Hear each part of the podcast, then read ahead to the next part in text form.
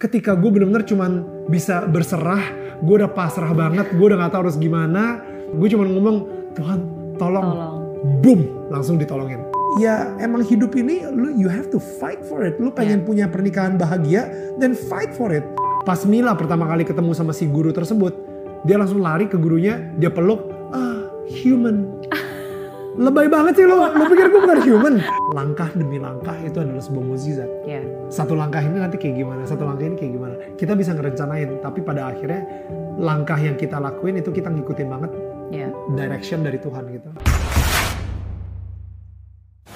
Kegagalan bukan akhir dari segalanya, kesuksesan juga tidak selalu ada selamanya. Suka duka silih berganti, tapi kemauan dan keyakinan untuk terus melangkah itu yang harus dimiliki.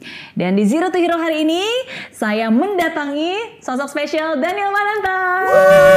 Up?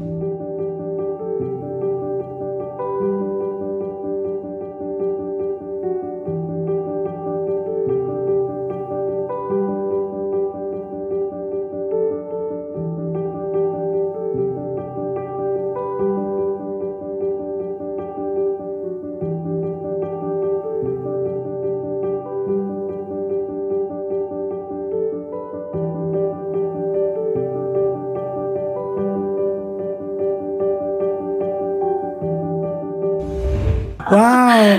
Yes. Hari ini eh, saya berkunjung ya. Iya, iya, iya, iya. Iya, Kali ini, oke. kali ini gue uh, di rumah gue aja, gitu Yes, kan? Iya. mengunjungi tetangga.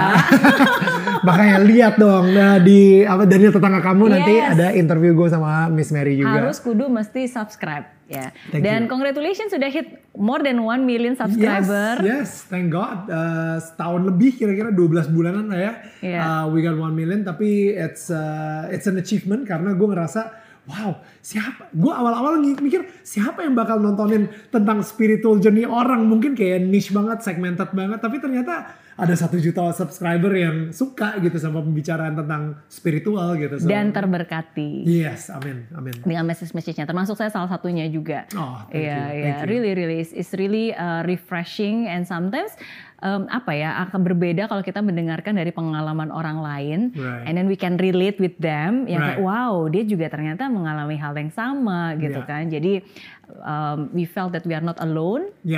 Tet- Jadi tetangga gitu. jadi exactly, exactly. Ya, Iya ya, iya iya. sure. Ya, Padahal terakhir kali uh, masih ingat banget waktu itu kita ngobrol di IG live kan. Hmm. IG story, IG, waktu itu zaman-zaman pandemi IG lah live, ya, IG iya, live. iya, awal-awal. Iya, terus akhirnya sekarang udah menjadi podcast sendiri. Jadi dan- beneran iya itu itu uh, yang pas IG live tuh gue masih kayak ngetes ngetes the water and everything dan dan ternyata it's uh, ya the feedback was really good dan akhirnya pas gue ya itu kali ya gue emang orangnya itu nggak risk taker banget gitu jadi gue coba IG live dulu deh oh IG live ternyata banyak yang komen oh ternyata banyak ini dan akhirnya baru kita berani YouTube gitu Oke, tapi berarti pada saat itu udah ada perencanaan, udah kira-kira ini bakal mau dibawa ke YouTube. Udah, udah, udah, udah ada. Em, sebenarnya sih gue pengen taruh acara Daniel Tetangga Kamu ini di TV malahan, TV nasional. Tapi mungkin eh, dari produser kayak ngerasa nggak rating ah. ya ya ya udah kalau kayak gitu. Gue puternya di YouTube gue sendiri, gue bikin YouTube channel. Ya, Oke, tapi kalau misalnya ada tawaran, Hmm. would you want to go into TV? Ah, sorry, kalau misalnya dulu itu iya, dulu. Cuman sekarang ini kan kita udah ada satu juta subscriber dan I think kita udah we prove them kalau misalnya ternyata ada marketnya. Jadi kayak kalau misalnya TV mau minta gue, which is udah terjadi sih. Ada ada tiga TV sekarang yang Daniel boleh nggak eh, apa eh, jadi host untuk acara terbaru kita? Acaranya seperti apa Mbak? Oh kita bakal ngegali deep tentang kehidupan seseorang, jatuh bangunnya. Ya itu sih yang gue lakuin di YouTube gue. And like tiga TV sekarang dan gue yang ngerasa "Ah, sorry ya gue fokus di sini dulu maybe next time kayak gitu. Oke, so what is so special about Daniel tetangga Kamu. Kamu. Oke. Mm-mm. Em, dari dari sisi mana nih? Banyak banget nih yang spesial nih menurut gue. Tapi kalau yang paling penting adalah kita bisa menemukan cerita-cerita kayak tadi eh, Mary juga sempat bilang bahwa ternyata public figure pun juga mengalami saat-saat sulit Iya. gitu kan. Public figure mengalami saat-saat di mana mereka ngerasa ketakutan, eh, ada rasa ketidakpastian. Nah, gue pengen ngobrolin tentang hal tersebut dan mungkin ini bisa uh, ngerelate ke orang yang nonton dan memberikan mereka harapan baru, semangat baru juga. Karena dari semua tetangga yang gue interview ini, mereka memberikan solusinya juga dan solusinya kebanyakan adalah kembali ke Tuhan, gitu. Dan um, mereka mungkin mungkin apa ya? Mungkin nggak nggak nggak harus kayak oke gue ngelakuin ritual ini, abis itu gue ngelakuin ritual ini, gue ngelakuin ritual, baru Tuhan nyelamatin gue. Iya. Kebanyakan nggak terjadi seperti itu. Yang terjadi justru ketika gue benar-benar cuman bisa berserah, gue udah pasrah banget, gue udah nggak tahu harus gimana, dan gue cuman bisa ngucapin do- doa aja gue udah gak kuat gitu. Gue cuman ngomong Tuhan tolong, Tolong. boom langsung ditolongin. Dan itu kayak apa ya? Itu yang itu yang itu ada kesamaan tuh di di semua tetangga yang gue interview kesamaannya itu semua. Gak peduli mereka agama apa mereka mengalami Tuhan yang yang yang maha pengasih, Tuhan yang maha penyayang, yang Tuhan yang benar-benar mencintai mereka apa adanya tanpa ngelihat kayak background mereka seperti apa dan ya udah dan itu sih yang yang sampai hari ini nih kita masih sangat konsisten banget di dana tetangga kamu. Hmm, Kayak gitu. karena you're talking about spirituality ya, bukan religion agama tertentu, tapi the spiritual spiritual journey. Betul, betul. Iya, iya. betul. Ini in- interesting ya karena in in my experience, I don't know about you, uh, tapi biasanya kalau berdasarkan pengalaman ketika kita sedang melakukan hal-hal yang berhubungan dengan hal yang baik, apalagi spiritual these things, uh, itu pasti ada attack-nya, Hmm, spiritual attack. that's good. Ya. Maksudnya sometimes pasti kan ada ada uh, apa ya orang-orang atau ada hal-hal yang sebenarnya nggak mau ini terjadi karena this is good for for Yeah. the people kan, this is Yeah. good for good for spiritual things gitu. Pasti Yeah. kan akan ada uh, Ooh, attack yeah. um, everywhere gitu. Yeah. At least this is basically on my own experience. Sometimes kadang-kadang seperti itu. Do, do you experience the same thing and what kind of attack dalam Lo tanda kutip? pasti kalian di sini pernah dengar yang namanya self sabotage gitu. Jadi em, sebelum gue mulai, gue eh, banyak menyabotase diri gue sendiri dari segi kayak ah lu kan TV, lu begitu masuk ke YouTube, lu lihat deh banyak banget tuh artis-artis TV yang yang masuk ke YouTube tapi nggak ke mana-mana gitu. Akhirnya nggak subscribernya nggak ada, ah malu lah lu nanti kayak gitu. Em, jadi sebelum gue mulai, gue udah eh, menyingkirkan diri gue sendiri dengan em, banyak sekali kayak alasan-alasan kenapa gue nggak seharusnya memulai YouTube. Gue udah terlalu tua, misalnya seperti itu. YouTube kan milenial, anak-anak muda semua, Iya. anak kecil yang nonton. Iya. Siapa yang mau nontonin lo? Lo udah terlalu tua untuk YouTube. Em, apa eh, siapa juga yang mau nonton acara-acara yang spiritual journey gitu kayaknya nggak akan ada gitu Eh, dan dan banyak banget ya yang yang yang di otak gua di pikiran gua bahwa eh, membuat gua takut gitu tapi ya inilah yang namanya soal iman di mana oke I'm gonna do it afraid. Gua akan ngelakuin walaupun gue takut. Walaupun ketakutan gagal itu ada walaupun ketakutan gue uh, tentang gue udah terlalu tua misalnya atau gue uh, nggak ada nggak apa misalnya subscriber nggak ada sama sekali uh, orang ngerasa ini apaan sih spiritual journey? nggak jelas. Udah you know nggak nggak nggak subscribe dan lain-lain ketakutan itu ada. But I'm gonna do it anyway. Kayak gitu. Karena apa? Karena gue mempunyai rasa uh, kekhawatiran juga sama teman-teman gue di sekitar gue yang lagi battling mental struggle. Jadi em, nggak tahu kalau misalnya lu pernah dengar kata-kata ini ya, eh, mungkin yang lagi nonton juga. Perfect love knows no fear, ya kan? Jadi eh, atau there is no fear in love gitu, in perfect love. Artinya adalah ketika kita lagi eh, ketika misalnya gini deh, gue kasih contoh aja gitu ya.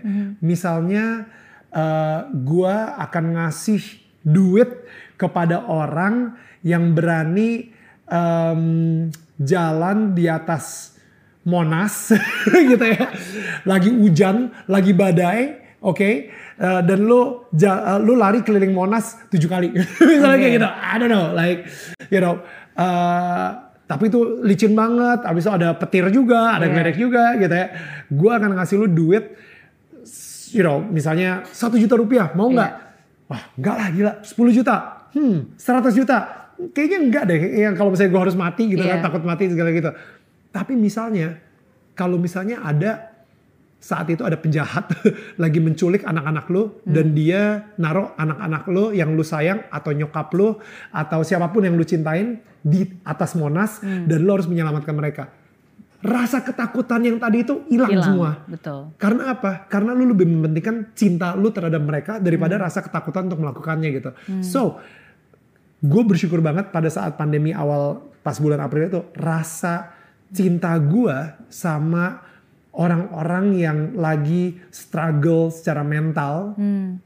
itu lebih besar daripada ketakutan akan kegagalan gue Hmm. kayak gitu. Jadi uh, I think ya akhirnya Ya. I'm doing it afraid. Um, dan emang bener tuh pas begitu awal muncul, ya kok cuman segini gitu kan.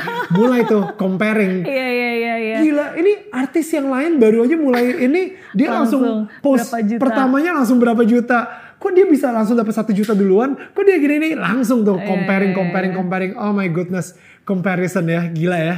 Itu membandingkan diri kita itu benar-benar menghancurkan sukacita Yeah. kita gitu. Jadi Exactly. kayak akhirnya udah nggak apa-apa. You know what? Forget it. Dia men uh, kalau misalnya serangan secara spiritual udah pasti kayak ketika gue udah mau ngomongin ini komentar-komentar dari agama mana pun gitu ya itu yang kayak lu ngapain sih? Lu lu pikir uh, apa uh, you know kok siapa ya lu who ngomongin soal you gitu ngomongin soal kan. Tuhan Iya. ya kan lu lu bukan pendeta lu bukan pemuka agama lu bukan ini lu ngapain ngomongin soal Tuhan gitu Hmm. dan habis itu lu yang kayak so suci banget sih lu lihat aja kalau misalnya nanti bla bla bla you know all the ditakut-takutin dan lain-lain gitu tapi untungnya gue ya nggak ngebaca semua itu Hmm. gitu tapi kadang-kadang ada yang baca dan masuk ke DM gue dan habis itu gue menemukan olahraga yang gue suka banget selain lari ternyata Apa? olahraga jempol yaitu ngeblokin orang di Instagram Oke oke. iya ini jempol gue ada ototnya sekarang banyak banget yang gue blok sekarang So tapi kamu percaya bahwa ya sometimes orang-orang kayak gini memang layak untuk diblok lah. Eh, Iya, karena Iya. gue ngecek di Instagramnya mereka dan habis itu followernya nol, postnya nol, Iya. eh, dan dia nge-follow banyak orang real. gitu, jadi it's not real ya udah gue blok aja. Iya, iya, Hmm. iya. Tapi it's good that you keep doing the things that you should do yang dilakukan sekarang. Karena memang uh, dan uh, maksudnya saya juga senang banget sih saya. Jadi Oh iya. aku gue. Iya, lo gue ya terserah banyak banyak gitu bingung lu. Oh, ya. Iya iya, nggak karena again berarti bukan hanya orang-orang tertentu aja yang selalu uh, have that kinds of thoughts, negative thoughts, Hmm. um, bahwa waduh ntar, ntar gimana kalau mental orang seperti apa, ntar kalau gagal gimana, ntar kalau kayak Iya. gini. I think ya that kind of mechanism memang itu mekanisme yang sengaja ditaruh di otak manusia untuk menggagalkan rencana yang baik yang sebenarnya akan kita lakukan. That's so good. Iya Yes. kan? Yes. Iya. Dan um, ini ini uh, apa ya? Gue begitu masuk entertainment di dunia entertainment, ketakutan terbesar lo adalah gue nggak terkenal lagi. I think itu ketakutan terbesar. You know, di, siapa pun lah. Lo lo mau main sinetron, lo menjadi uh, influencer di Instagram, ketakutan terbesar adalah gue nggak jadi terkenal lagi. Uh, atau enggak gue digantiin sama orang yang lebih muda atau gue uh, nggak laku lagi atau misalnya uh, gue udah nggak rating lagi dan lain-lain. I think itu ketakutan terbesar. Ket, gue sempat baca satu buku, uh, bukan buku actually, gue gue lagi baca apa ya saat itu majalah deh, Reader's Digest udah nggak ada di Indonesia, I think atau masih ada gue nggak tahu. Tapi ada satu quote dari pemain Friends namanya uh, Matthew Perry, Perry, ya. dia yang Yang meranin Chandler, Chandler. exactly, my favorite character. Dia bilang kalau di Hollywood lu seminggu aja gak ada pekerjaan, lu ngerasa lu udah gak laku lagi. Gue langsung, kayak, wow, dia aja masih ngerasain kayak gitu. Gue di MTV masa bisa ngerasain seperti itu juga? You know like ini Ya, sama banget. Dan akhirnya gue nyari cara bagaimana supaya gue nggak fokus akan ketakutan gue tersebut dan shift, gua, you know shift fokus gue ke yang lain, yang produktif juga gitu. Dan akhirnya uh, I Gimana think caranya? gue uh, pertama gini, saat yang paling berat buat gue ketika bulan Ramadan, menurut gue. Muka kayak gini nggak terlalu laku di bulan Ramadan. Gak ada acara TV yang mau me, uh, apa meng-hire Daniel untuk ngabuburit bareng Daniel Mananta Iya. atau buka puasa bareng Daniel Mananta gitu. Jadi nggak ada. Oke, jadi gue selama satu bulan setengah, right, jobless. Biasanya seperti itu. Dan itu setelah satu bulan setengah, gue udah langsung kayak depres aja. Gue udah ngerasa, aduh gue udah gak laku lagi nih gila. Padahal ya ya iyalah sekarang nih gue bisa ketawa gitu kalau misalnya gila ya iyalah itu jalan Itu kan Ramadan. Ramadan. Ya kan yang laku justru kayak Teguh Wisnu gitu Iya, misalnya iya, Arman iya. Maulana you know dan dan itu itu itu mereka laku banget di TV sering banget gitu. Cuman ya yang kayak gini ya yang enggak gitu bukan karena bukan marketnya juga Hmm. which is harusnya ya oke lah gue sendiri juga kalau misalnya sebagai produser gue nggak akan milih gue gitu Hmm. untuk untuk di uh, di bulan Ramadan tapi uh, jadinya setelah gue mengetahui kalau misalnya iya ya satu setengah bulan itu udah loh gue langsung merubah mindset gue hmm gue bersyukur banget di kerjaan gue gue memiliki satu setengah bulan untuk liburan Iya. jadi sebelum Ramadan, gue langsung udah siap-siapin tuh. Oke, gue hari ini mau ke Itali. Ya apa Oh, nanti ke iya, uh, untuk Ramadan kali ini gue ke Itali. Udah, jadi satu setengah bulan Hmm. gue spend time di luar negeri gitu, Uh, nyewa apalah gitu atau Hmm. uh, tinggal sama temen gue misalnya satu setengah bulan. Kapan lagi bisa Hmm. gitu, you know? Like I think, I think ketika uh, gue nge-shift perspektif gue, nge-shift fokus gue, akhirnya gue benar-benar kayak nggak nggak ke terlalu fokus sama ketakutan atau kekhawatiran gue jadinya Iya, kayak gitu. iya, iya. And I think it's important sih kemampuan untuk bisa mengubah narasi ya, maksudnya menginterpretasi apa yang terjadi. Sometimes kan kadang-kadang yang dikasih ke kita ya kejadian faktanya, Betul. cuma how we interpret it kan, eh, bagaimana cara kita men- men- me- menanggapi, menarasikan dan mengkonklusikan di pikiran kita, nah itulah yang nanti akan yang akan menjadi wujud nyata eh, Ya. masa depannya kita seperti apa. That's so good. Gue literally ya, Mer, tadi pagi nih, gue baru aja ngobrol sama temen gue gitu. Kayak kayak ketika kita ngelihat ada seorang ayah yang ngasih uang ke anaknya. Em, dari kacamata kita, kita ngelihat ayah itu lagi nyogok anaknya untuk mencintai dia, atau ayah itu sayang banget sama si anaknya. Iya, Kita juga nggak pernah tahu. iya. right? Kita nggak pernah tahu. Tapi kita tahu kita akan meng- menghakimi situasi tersebut atau fakta tersebut dari pengalaman hidup kita. Iya. Misalnya dari hubungan gue sama ayah gue. Hmm. Ketika ayahnya ngasih uang ke anaknya, gue mungkin akan ngerasa gila ya tuh ayah itu sayang banget ya sama sama Iya. anaknya ya. Karena dia dia bisa dia bisa ngasih uang segitu ke anaknya gitu. Tapi kalau misalnya dari kacamata seseorang yang lain yang mempunyai hubungan yang sangat buruk sama ayahnya, Iya. Alah, si ayahnya itu lagi nyogok, Nyogok. anaknya nih. Dia membeli cinta anaknya nih Iya, dengan atau mungkin uang. anak, mungkin dia merasa bersalah karena nggak Ah, meluangkan waktu. Something like that Hmm. gitu. Jadi perspektif orang beda-beda tergantung dari background Hmm. kita. Narasi yang kita buat di otak kita itu adalah background kita. Jadi at the same time gue juga ngerasa sih kayak pandemi ini, pandemi ini hit semua orang. Hmm. Semua orang tanpa terkecuali. Tapi yang berbeda adalah narasi yang dibangun di dalam Iya. otak kita. Pandemi ini akan menguatkan kita atau melemahkan kita. Iya. Pandemi ini akan membuat kita menjadi orang yang uh, lebih sabar, lebih lebih dekat dengan keluarga kita, atau pandemi ini akan mencerai beraikan keluarga Hmm. kita, atau pandemi ini menjadi sebuah kutukan buat kita. Jadi maksudnya it depends on Hmm. Iya. your narration in here, kayak gitu sih. Iya, iya. Dan what strengthened you kalau gitu? Tadi kan tadi Daniel bilang pandemi ini terjadi kepada semua orang. eh, jadi tapi tergantung kan, maksudnya apakah kita bisa dikuatkan, eh, bagaimana kita bisa menginterpretasi ini dan mengubah ini menjadi sesuatu yang baik. So dari seorang Daniel sebenarnya where do you get your strength? Lu udah And pa- lu, ta- lu tahu pertanyaan ini bakal masuknya ke spiritual sih kalau misalnya. udah pasti. Karena apa? Karena kalau misalnya lu nanya where do you get your strength? Udah nggak mungkin dari kekuatan gue, ya kan? Udah nggak mungkin. Di awal pandemi, gue ada satu visi, oke? Visi di otak gue. Lu bayangin sekarang ini ada sebuah hutan, pohon-pohonnya itu pohon-pohonnya kering karena emang lagi musim kemarau, lagi eh, lagi kering banget. Eh, pohon-pohonnya kering banget semuanya di situ kering coklat, bahkan ada yang daunnya udah nggak ada gitu kan. Tapi di situ ada satu pohon hijau, daunnya lebat banget, malah berbuah. Hmm.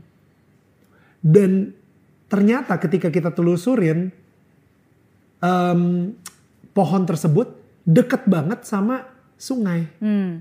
Dia mendapatkan air, Air. Dan akarnya dia itu masuk ke dalam that Hmm. living water, gitu, you know, that water.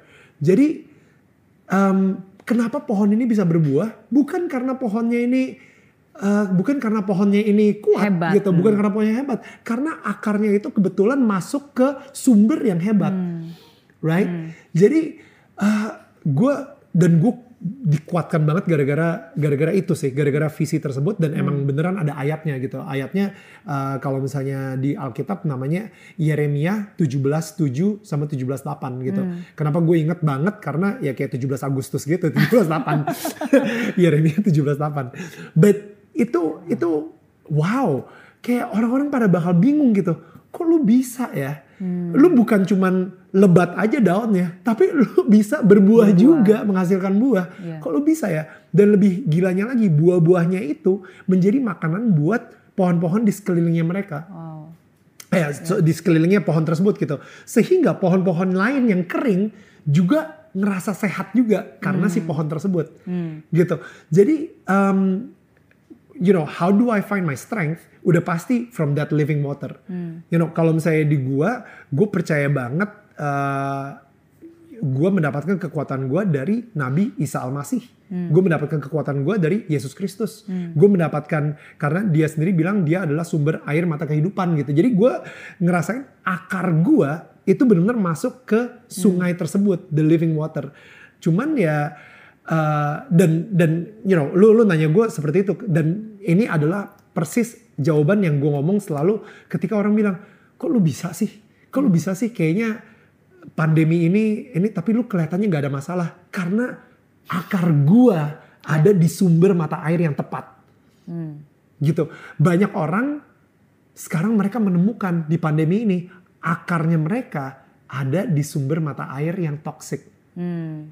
ketika mereka menaruh akar mereka di kekayaannya, di kerjaannya, di orang-orang yang mereka pikir bakal menyelamatkan hidup mereka. Ya. Dan ternyata, oh my goodness, ini adalah mata air yang toksik. Kenapa nggak kita masukin ke mata air yang sebenarnya gitu? Eh, Jadi Ya, ya, itu sih dari dari dari gue gitu. Oke, oke. Again, go back to the the source ya, maksudnya. Go back to the day, source. Go back to the source. Dan memang memang penting sih. Maksudnya kalau misalnya memang kita lagi eh apa ya goyah, nggak tahu arah ke mana ya. Again ya akar itu dan bukan cuma akarnya di mana ya, tapi akar itu mengambil makanan dan nutrisinya dari mana. Right, Ya, right. itu yang juga penting. Betul banget. Dan um, muncullah salah satu buah-buahan yang dari pohon yang lebat itu ya. Um, muncullah Daniel tetangga kamu. Right, channel YouTube gue ini. Dan dari dari situ ternyata itu tuh buah-buahannya itu mulai memberikan makanan, Makanan. buat orang-orang di sekitarnya juga. Iya. Iya kan dari dari dari gue Ya. mendapatkan sumber mata air yang tepat, gue mempunyai buah dan orang-orang lain menikmati buahnya. Iya, dan membuat orang jadi ngeliat, eh yang kayak tadi kan people will realize, oh ternyata dari pohon-pohon yang kering ada pohon yang berbuah nih.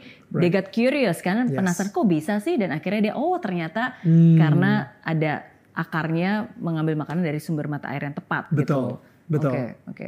Dari Daniel tetangga kamu, akhirnya sekarang di channel itu bukan hanya about your uh, story with others people's, others people's spiritual journey, tapi juga you and Viola. Betul. Journey Yes. to love. Journey to Love. Yes. Kenapa ada um, program itu?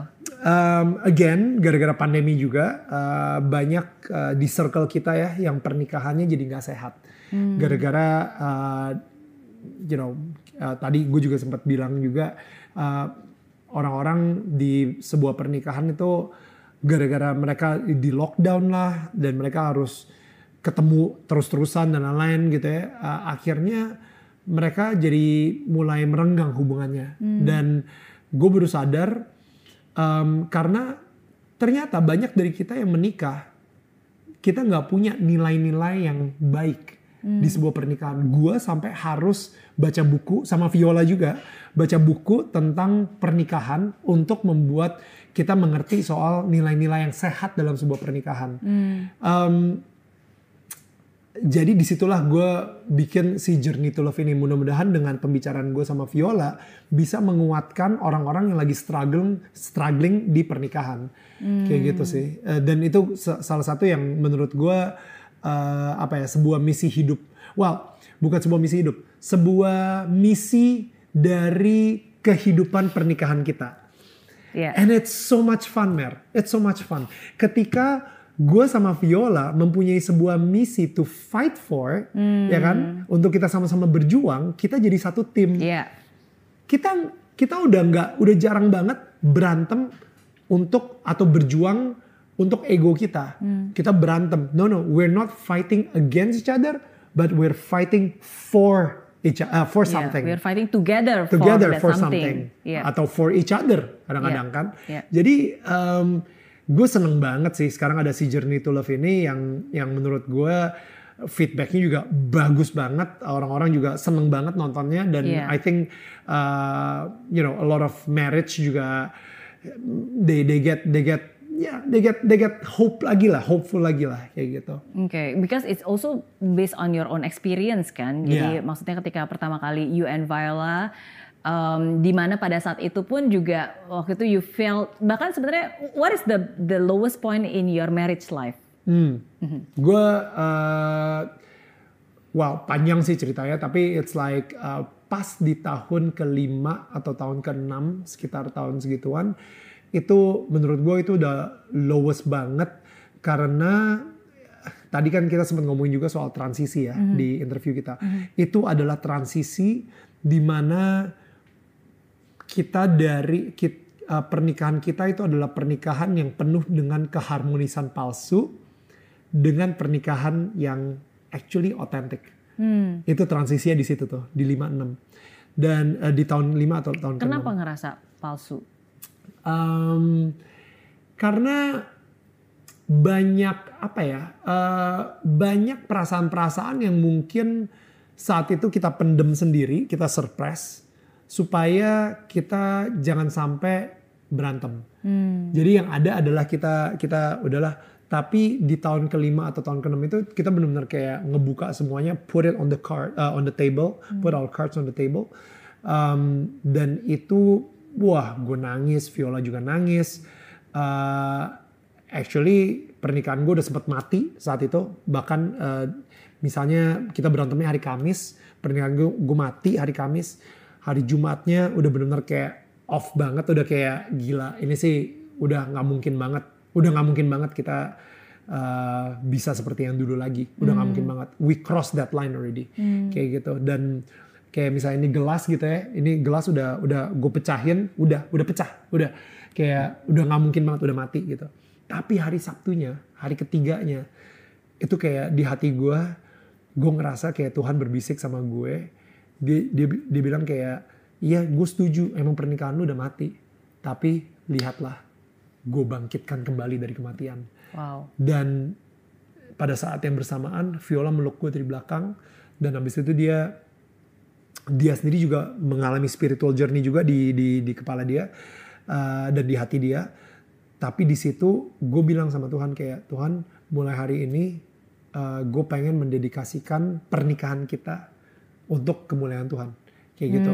Nah journey to love ini ini mungkin bisa dibilang salah satunya dan mungkin the start of it gitu. Gue gak tahu nanti uh, snowball efeknya bakal ke mana. Tapi ini permulaan kecilnya banget dari kita untuk mendedikasikan ini untuk kemuliaan Tuhan. Kayak gitu. Hmm, Oke, Baga- um, what exactly? Mungkin karena soalnya again, ya tadi kan Daniel bilang mungkin saat ini ada banyak uh, relationship yang breakdown, bahkan bukan hanya breakdown ya, udah udah mati gitu. Hmm. Uh, karena ya mungkin satu dan lain hal ada masalah dan seterusnya mereka nggak terbuka dan mereka membiarkan itu terjadi sampai akhirnya mati. Cuma kan um, dari Daniel sendiri pernah mengalami yang udah mati pun bisa dibangkitkan kembali, di-renew kembali gitu. Jadi uh, apa yang terjadi dan bagaimana caranya itu bisa dibangkitkan kembali gitu. Hmm.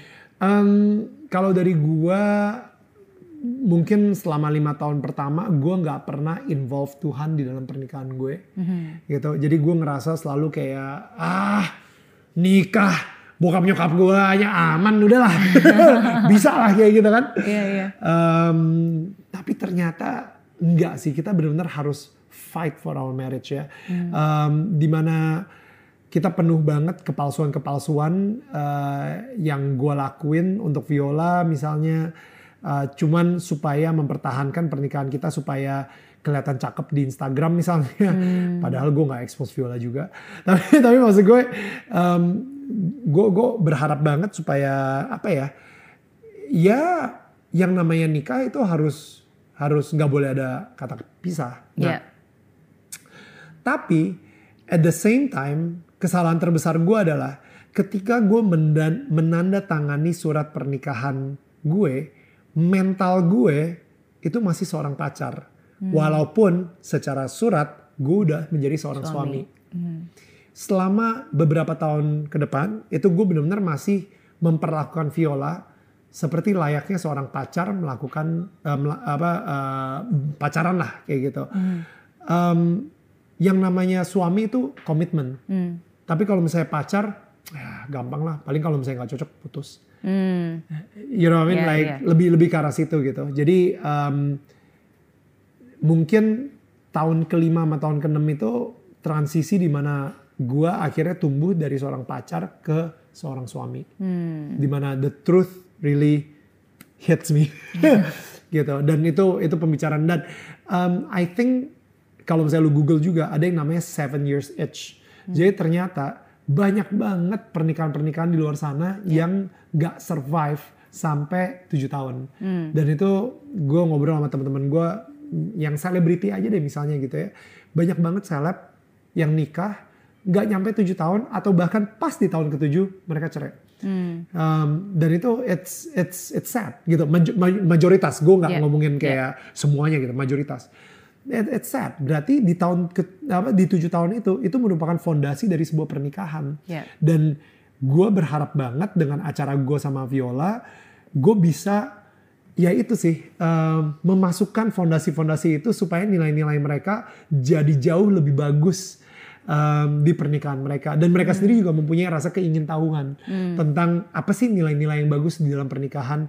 Mungkin mereka bisa baca buku lagi lebih tentang pernikahan bahkan temen gue yang udah nikah berapa lama gitu ya uh, actually dia udah nikah berapa lama abis itu udah cerai dan abis itu udah badannya gede punya six pack you know dia kayak ngabisin waktu di gym kebanyakan Iya, I think. iya.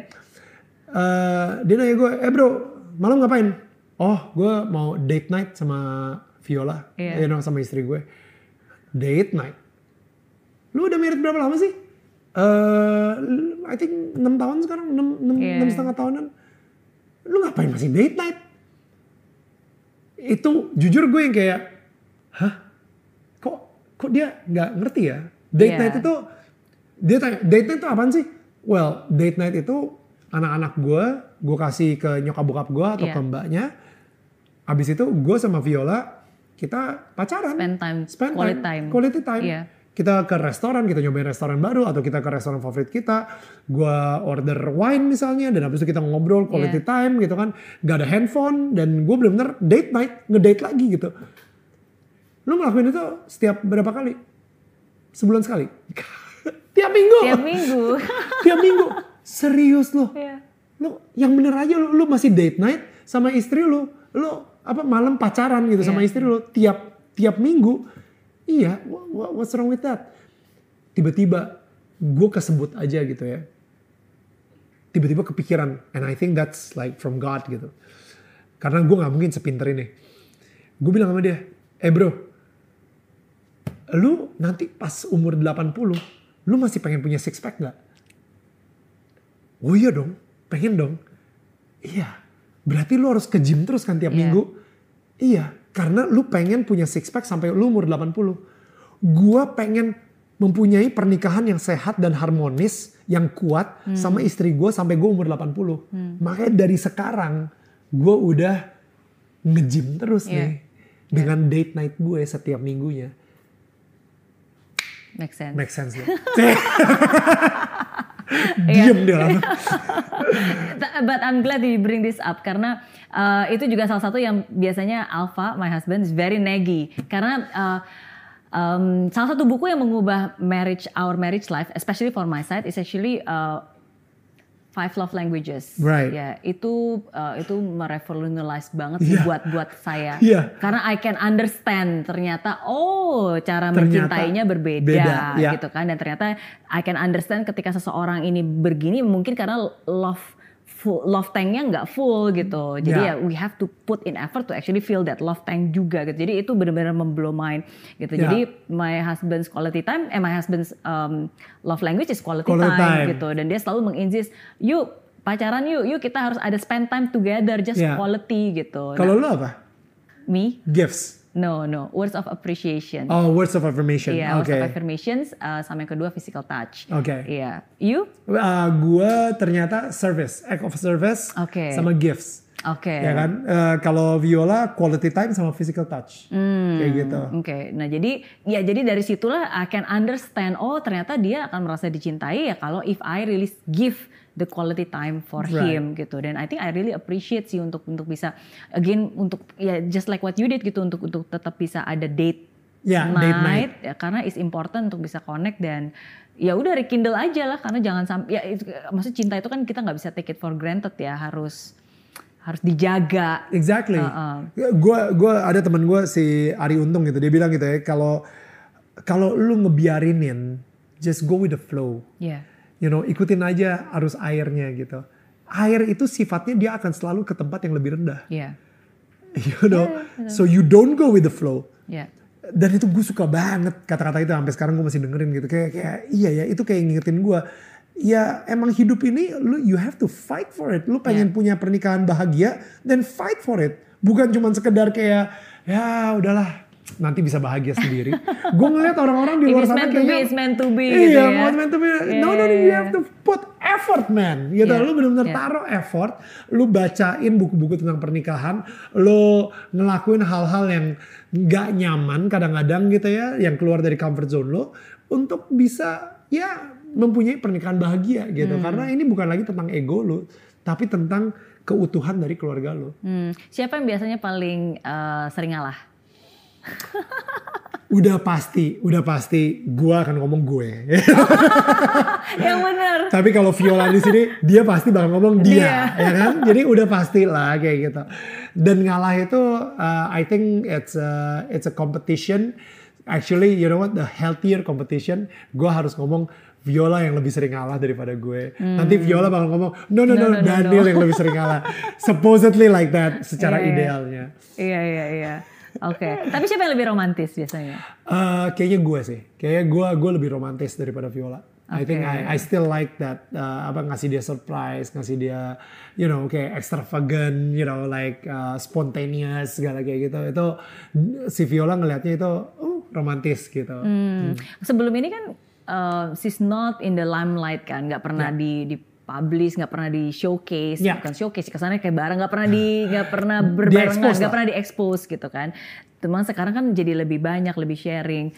Uh, how do you feel about that? And how does she feel about that? Um, jadi selama ini kan gue selalu ngerasa gue nggak mau um, mencampurkan professional life dengan personal life. Kenapa? Di professional life gue selalu tampil sempurna. Gue ada tim makeup misalnya, ada uh, scriptwriter, ada produser, ada editor. Kalau misalnya gue salah tinggal ngedit. Uh, basically di professional life gue, gue selalu sempurna. Tapi di personal life gue, gue adalah orang yang tidak sempurna dan gue nggak pengen orang-orang mengetahui sisi ketidaksempurnaan gue. Biarkan mereka tahunya professional life. Gue takut mereka akan tidak suka dengan Daniel yang uh, personal life-nya Daniel. Karena Daniel tuh sangat tidak sempurna dan oh he's just a human. you know like di mana kalau di sini wow he's a VJ and he's a host. wow.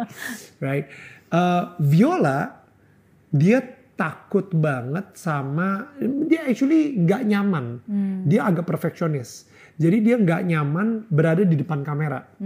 Nah, tapi ketika ada sebuah purpose yang baru yang dikasih ke kita atau sebuah panggilan atau sebuah calling di mana kita mempunyai sebuah misi yang lebih tinggi daripada ego atau ketakutan kita masing-masing, di situ kita bisa kayak mematikan si ya udahlah kalau gitu let's just be as we are.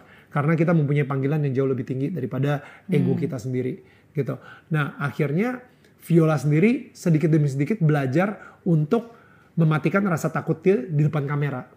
Gua sendiri juga sedikit demi sedikit be more vulnerable, Vulnerable, be more real gitu. You know, gue akan mengakui yang paling yang gue inget gue sempat kayak ditegor sama temen gue di Instagram gara-gara ya gue mau sok-sok mau ikut campur soal Black Lives Matter sama All Lives Matter tanpa gue mengerti bahwa itu uh, dipolitisasi gitu ya. Iya. Nah pada akhirnya di Instagram pun gue harus minta maaf juga. Gue bilang I'm so sorry kalau misalnya gue sempat bersikeras tentang pendapat gue. Ternyata gue nggak tahu kalau misalnya ini itu to say sorry on Instagram it's so freaking hard. Apalagi untuk seseorang dan say sorry-nya juga ke orang-orang yang mungkin followernya lebih rendah, Iya. orang-orang yang mungkin lebih junior dari lo, orang-orang yang uh, misalnya gue adalah leadernya, mereka adalah uh, anggota komsel gue misalnya kayak gitu. Untuk say sorry itu dan wah susah banget.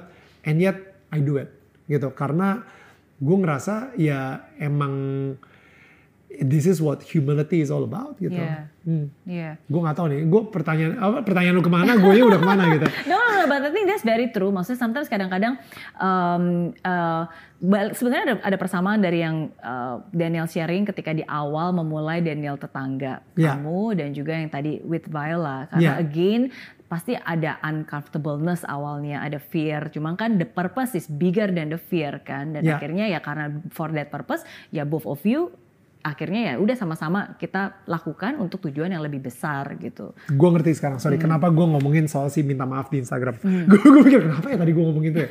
Oke, gue kalau bisa bisa diedit langsung masuk situ ya.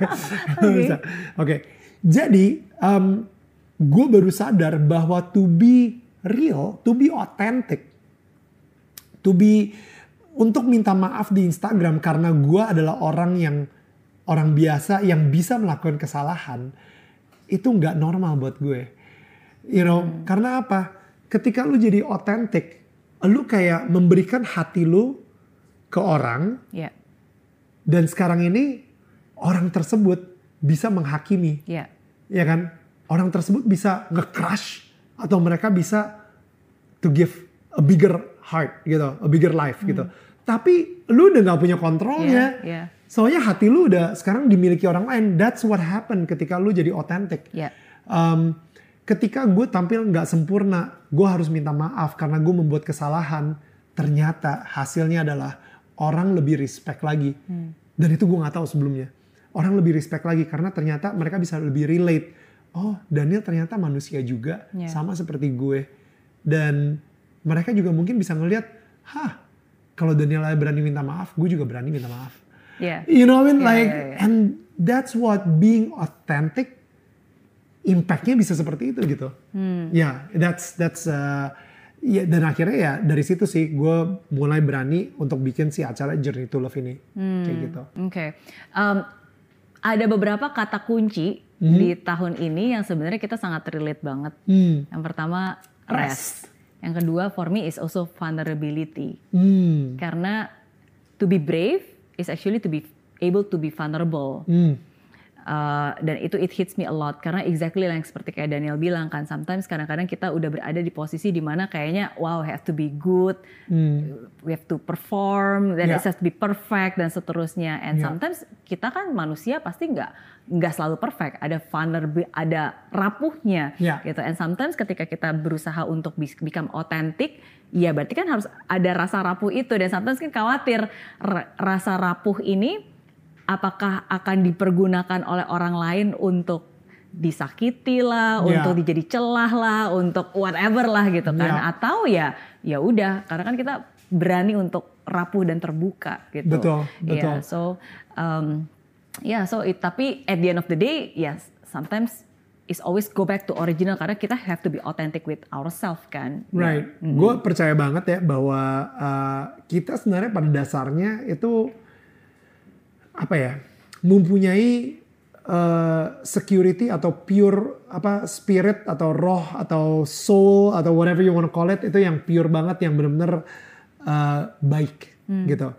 Cuman begitu kita menjadi dewasa di mana pun lu berada gitu ya mungkin culture-nya beda-beda. Tapi kalau misalnya di Indonesia khususnya ketika lu udah mulai menjadi dewasa lu mulai diajarin rasa malu. Hmm, lu mulai diajarin rasa takut. Takut ya. Um, dan akhirnya sup- untuk melindungi diri lu atau untuk melindungi your authentic self lu mulai naro um, shield uh, apa tembok malahan. Tembok jangan sampai ini bisa nembus ke si otentik ini jangan sampai gue ngerasa malu jangan sampai gue ngerasa uh, diremehkan uh, atau ka- karena gue takut diremehkan gue masang tembok lagi gue masang tembok lagi kadang-kadang temboknya itu udah sampai tebel banget sampai lu sendiri udah lupa Lupa. sama your Iya. authentic self Ya. gitu dan you know gue beberapa tahun terakhir ini lagi menghancurkan tembok-tembok tersebut. Gak nyaman gak nyaman gak nyaman sama sekali. Sering banget gue nangis sering banget gue uh, komplain sama Tuhan gitu misalnya. Sering banget gue uh, benar-benar butuh kerendahan hati banget untuk bisa ngebuka pikiran gue sampai oke really? Oh ya? Mi- masa lu ngelihatnya seperti itu? Sering banget gue ngebela diri gue tapi pada akhirnya ketika gue udah mulai sedikit demi sedikit ya eh, temboknya itu dihancurkan dan gue menemukan Daniel yang the real Daniel the authentic Daniel dan gue bisa nyaman dengan dia. Gue bisa ngeliat diri gue di kaca dan ngeliat ke diri gue yang otentik dan gue bilang I'm proud of you. I love you. I love you as who you are. Gue bener-bener bangga banget sama sama lo. Dan gue nggak nggak malu gitu atau apa. Hidup kita itu akan jauh lebih penuh sih, kayak gitu. Dan kadang-kadang emang sulit untuk uh, ngeproses itu sendiri. Kadang-kadang kita butuh banget kayak uh, afirmasi tadi ya Ya. dari Tuhan yang yang mungkin sebenarnya kadang-kadang lebih mengenal diri kita daripada kita mengenal diri kita sendiri. Lebih mengenal diri kita yang otentik daripada kita mengenal diri kita yang otentik. Ya iyalah dia yang ciptain, ciptain. dia yang ciptain, gitu kan pasti dia yang lebih Iya, kenal. iya. Dan Tuhan tuh yang lebih sayang sama kita, Tuhan yang lebih cepat memaafkan diri kita, Tuhan yang lebih menghargai kita, Tuhan yang lebih membanggakan kita daripada kita melakukan itu terhadap diri kita sendiri. Jadi kadang-kadang kalau misalnya kita bisa kita bisa apa ya mungkin merubah narasi tadi tuh, merubah narasi lagi. Emang siapa kita? Masa kita lebih gede dari Tuhan sih? Sampai Tuhan aja udah memaafkan kita, tapi kita nggak bisa memaafkan diri kita sendiri. Tuhan udah sayang kita sebegitunya, masa kita nggak bisa sayang sama diri kita sebegitunya? Kayak gitu. Jadi jadi I think kalau misalnya kita bisa ngerubah perspektif tersebut, kita akan bisa menem- lebih cepat lagi menemukan our authentic self gitu sih. And you discover this during this pandemic atau udah dari Udah ya ya maksudnya prosesnya itu bisa dua atau tiga tahun. Ini mungkin ketika orang nonton enak ya Daniel ya bisa ya kayak gitu. Gua juga akan mau besok. Besok, Ya, iya. Guys, ini proses bertahun-tahun, alright? Iya, Jadi iya. kayak uh, yang lu lihat adalah highlight dari hidup gua. Lu nggak ngelihat bloopers bloopers atau behind the scene-nya. Iya. Itu adalah highlightnya. Sama seperti Instagram kalau misalnya lu ngelihat reelsnya gitu, cerrrr, cepet banget tiba-tiba, ping udah menang gitu kan. Iya. Kalau misalnya di film Rocky gitu ya kayak dia yang kayak you know ada lagu, ada montage lu yang cicik cuma dalam kayak 30 detik sampai satu menit lu kayak abis itu yeah, I am the champion of the world. Kayak gitu kan. Itu kayak cepet banget. Padahal itu proses dia kayak jadi six packnya jadi itu capek banget tuh berhari-hari berbulan-bulan gitu. Dan sama gitu lu jangan nge-compare diri gue yang sekarang dengan diri lu yang sekarang gitu. Maksud gue uh, kasih proses kayak tiga atau empat tahun misalnya Ya. seperti itu atau lima tahun and you know what? Enjoy the process.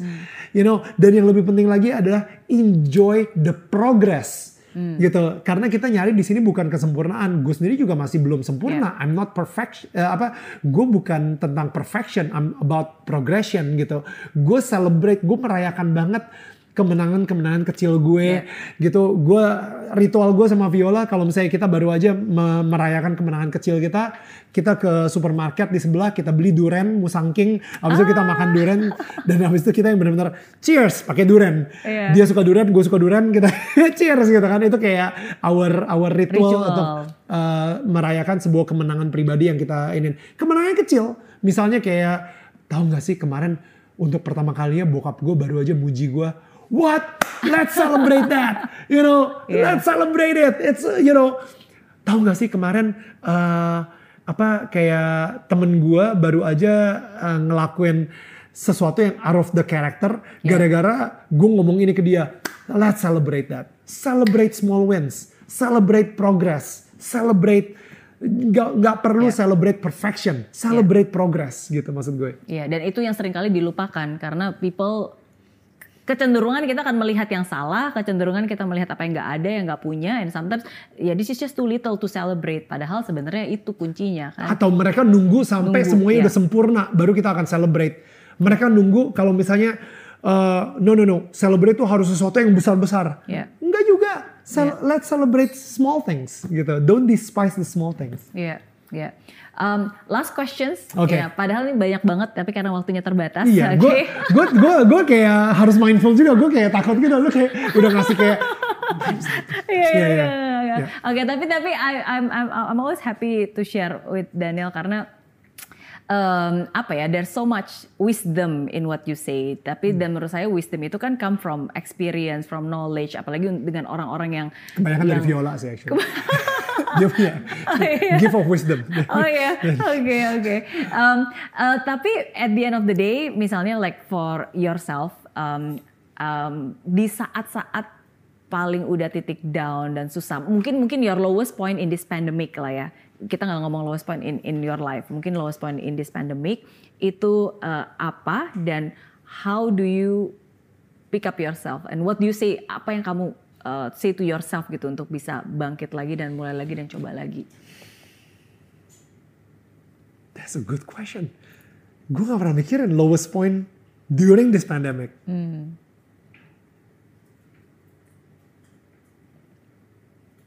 Ah, oke. Eh, lowest point during the pandemic ketika gue khawatir banget sama anak-anak gue. Eh, mungkin lowest pointnya adalah gini.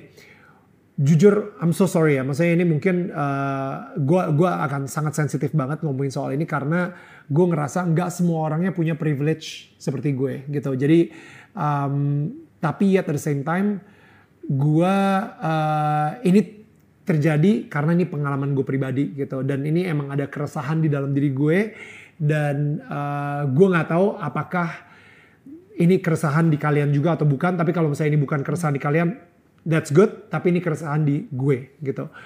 Em, gua keresahan di gue adalah gue nggak pengen anak-anak gue online school. Karena jam 7 sampai jam 2 siang mereka berada di depan laptop atau berada di depan komputer itu bukan online school itu kerjaan kantoran dan itu yang gue lakuin kalau misalnya gue kerja di kantoran Iya. di depan laptop di depan komputer selama jam 9 sampai jam 5 atau jam 7 sampai jam 3 gitu misalnya nah jadi gue mempunyai keresahan tersebut sehingga gue mikir man gue harus ngeluarin anak-anak gue dari sekolah tapi kalau misalnya gue ngeluarin mereka dari sekolah, gue mau ke mana? Gue mau ngapain? Gue nggak tahu juga. Tapi akhirnya Viola bilang, udah deh, let's take a break, kita ke Bali. Mereka ke Bali, kita di Bali kita cari sekolah. Kita cari sekolah, kita mungkin karena di Bali saat itu udah lumayan uh, relax. Iya. Mereka uh, boleh sekolah, tapi mereka uh, apa ya? Ya adalah ada sekolah-sekolah yang buka gitu. Gue lebih pengen mereka interaksi satu sama yang lain gitu. Tapi pada saat gue ke Bali, nggak ada sekolah yang cocok. Di situ gue sama Viola cukup stres. Cukup stres kayak, man kita mau ke mana nih, kita mau gimana. Sekarang nih anak udah kita keluarin dari sekolah lagi. Mereka kalau Wow. misalnya nanti nggak sekolah gimana? Iya. Di situ kita akhirnya berdoa. kita berdoa banget. You know what Mer? Gak nyampe seminggu, ada dua guru yang ternyata em, bisa datang ke rumah untuk homeschooling anak-anak kita. Saat jadi satu guru ini untuk eh, Noam untuk Iya. anak kita yang kedua eh, masih kindergarten bisa main-main terus. Satu guru lagi emang eh, apa udah eh, second grade, third grade teacher gitu yang untuk Mila. Mila, hmm. Udah jadi pas. Gila. Jadi em, pas Mila pertama kali ketemu sama si guru tersebut, dia langsung lari ke gurunya, dia peluk, ah human.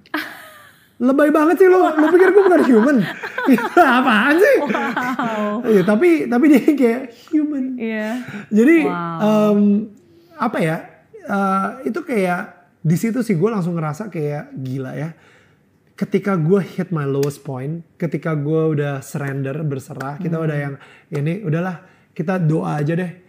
Ketika doa nanti hal yang terbaik pun nanti akan dikasih kok sama Tuhan kayak gitu. Dan uh, solusinya adalah yaitu. Dan sekarang ini apakah mereka masih sekolah sama si guru itu? Gue juga nggak tahu kayak gimana nanti kelanjutannya. Karena mereka sekarang lagi di Jerman. si Mila lagi nyoba sekolah di Jerman sekarang. Oke. Si Noam gak betah di Jerman. Jadi ada kemungkinan Noam nanti balik sama gue ke Jakarta. Dan Viola sama Mila bakal ada di Jerman. Kita long distance dong. Bingung gue juga gimana. gue juga gak tahu. Pokoknya sek- sekarang detik Iya. ini posisi seperti itu. Tapi nanti ketika gue ke Jerman juga eh, jemput Viola dan dan Mila dan Noam, gue nggak tahu ya apa yang terjadi. Kita akan doain gitu. Kita akan ngikutin apa yang yang tadi kayak seperti yang doa lu bilang, langkah demi langkah itu adalah sebuah mukjizat. Ya. We take it step by step. Satu langkah ini kayak gimana? Satu langkah ini nanti kayak gimana? Satu langkah ini kayak gimana? Kita bisa ngerencanain, tapi pada akhirnya langkah yang kita lakuin itu kita ngikutin banget Ya. direction dari Tuhan gitu, guidance dari Tuhan. Iya. Ya. Thank you so much for sharing. Thank you, thank you. Ya ya ya. Thank you. Ya. Thank you. Ini kita benar-benar kayak gue, ini benar-benar kayak baru pertama kali gue ngomong ini dan karena gue sendiri juga masih belum tahu nih Iya, iya. cerita akhirnya seperti apa gitu. Ya, tapi that's that's very true sih karena menurut saya justru itulah yang saat ini terjadi karena di kehidupan semua orang di pikiran semua orang gitu there's there's so much uncertainty sometimes kan Ya. kita masih nggak tahu ini gimana Eh, dan langkahnya yang udah kita pilih apakah benar atau enggak terus kalau misalnya ini terus nanti gimana gitu bulan depan seperti apa apakah berubah lagi atau enggak gitu Right. tapi kan at the end of the day ya we just have to trust the process and um, see the progress Ya, I love that. And Ya. just now like say celebrate every single little things and I think itu yang menurut saya uh, penting and important sih, Right. especially in this period In this lah. pandemic In this time. pandemic Yeah. time. Oke, Yeah. so thank you so much sekali lagi for Daniel for sharing. Thank Sukses you. terus buat uh, Daniel tetangga kamu. Kamu, yes, thank you, Sukses thank you. juga buat Viola. Yes, amin, amin, iya, amin. iya, dan Ya. sehat selalu pastinya. Mudah-mudahan kita masih bisa date night tiap minggu, tapi bukan secara virtual. Oke. Deg-degan. Yes, oke. Alright. Dan thank you semoga kalian semua um, terberkati karena saya selalu percaya setiap cerita itu punya pengalaman berharga dan semoga cerita dari Daniel Manta ini bisa membawa pembelajaran berharga buat kalian semua apa pun yang terjadi. uh, tetap bersyukur ya and fight till the end and never give up pastinya. Oke, thank you. Bye bye. God bless.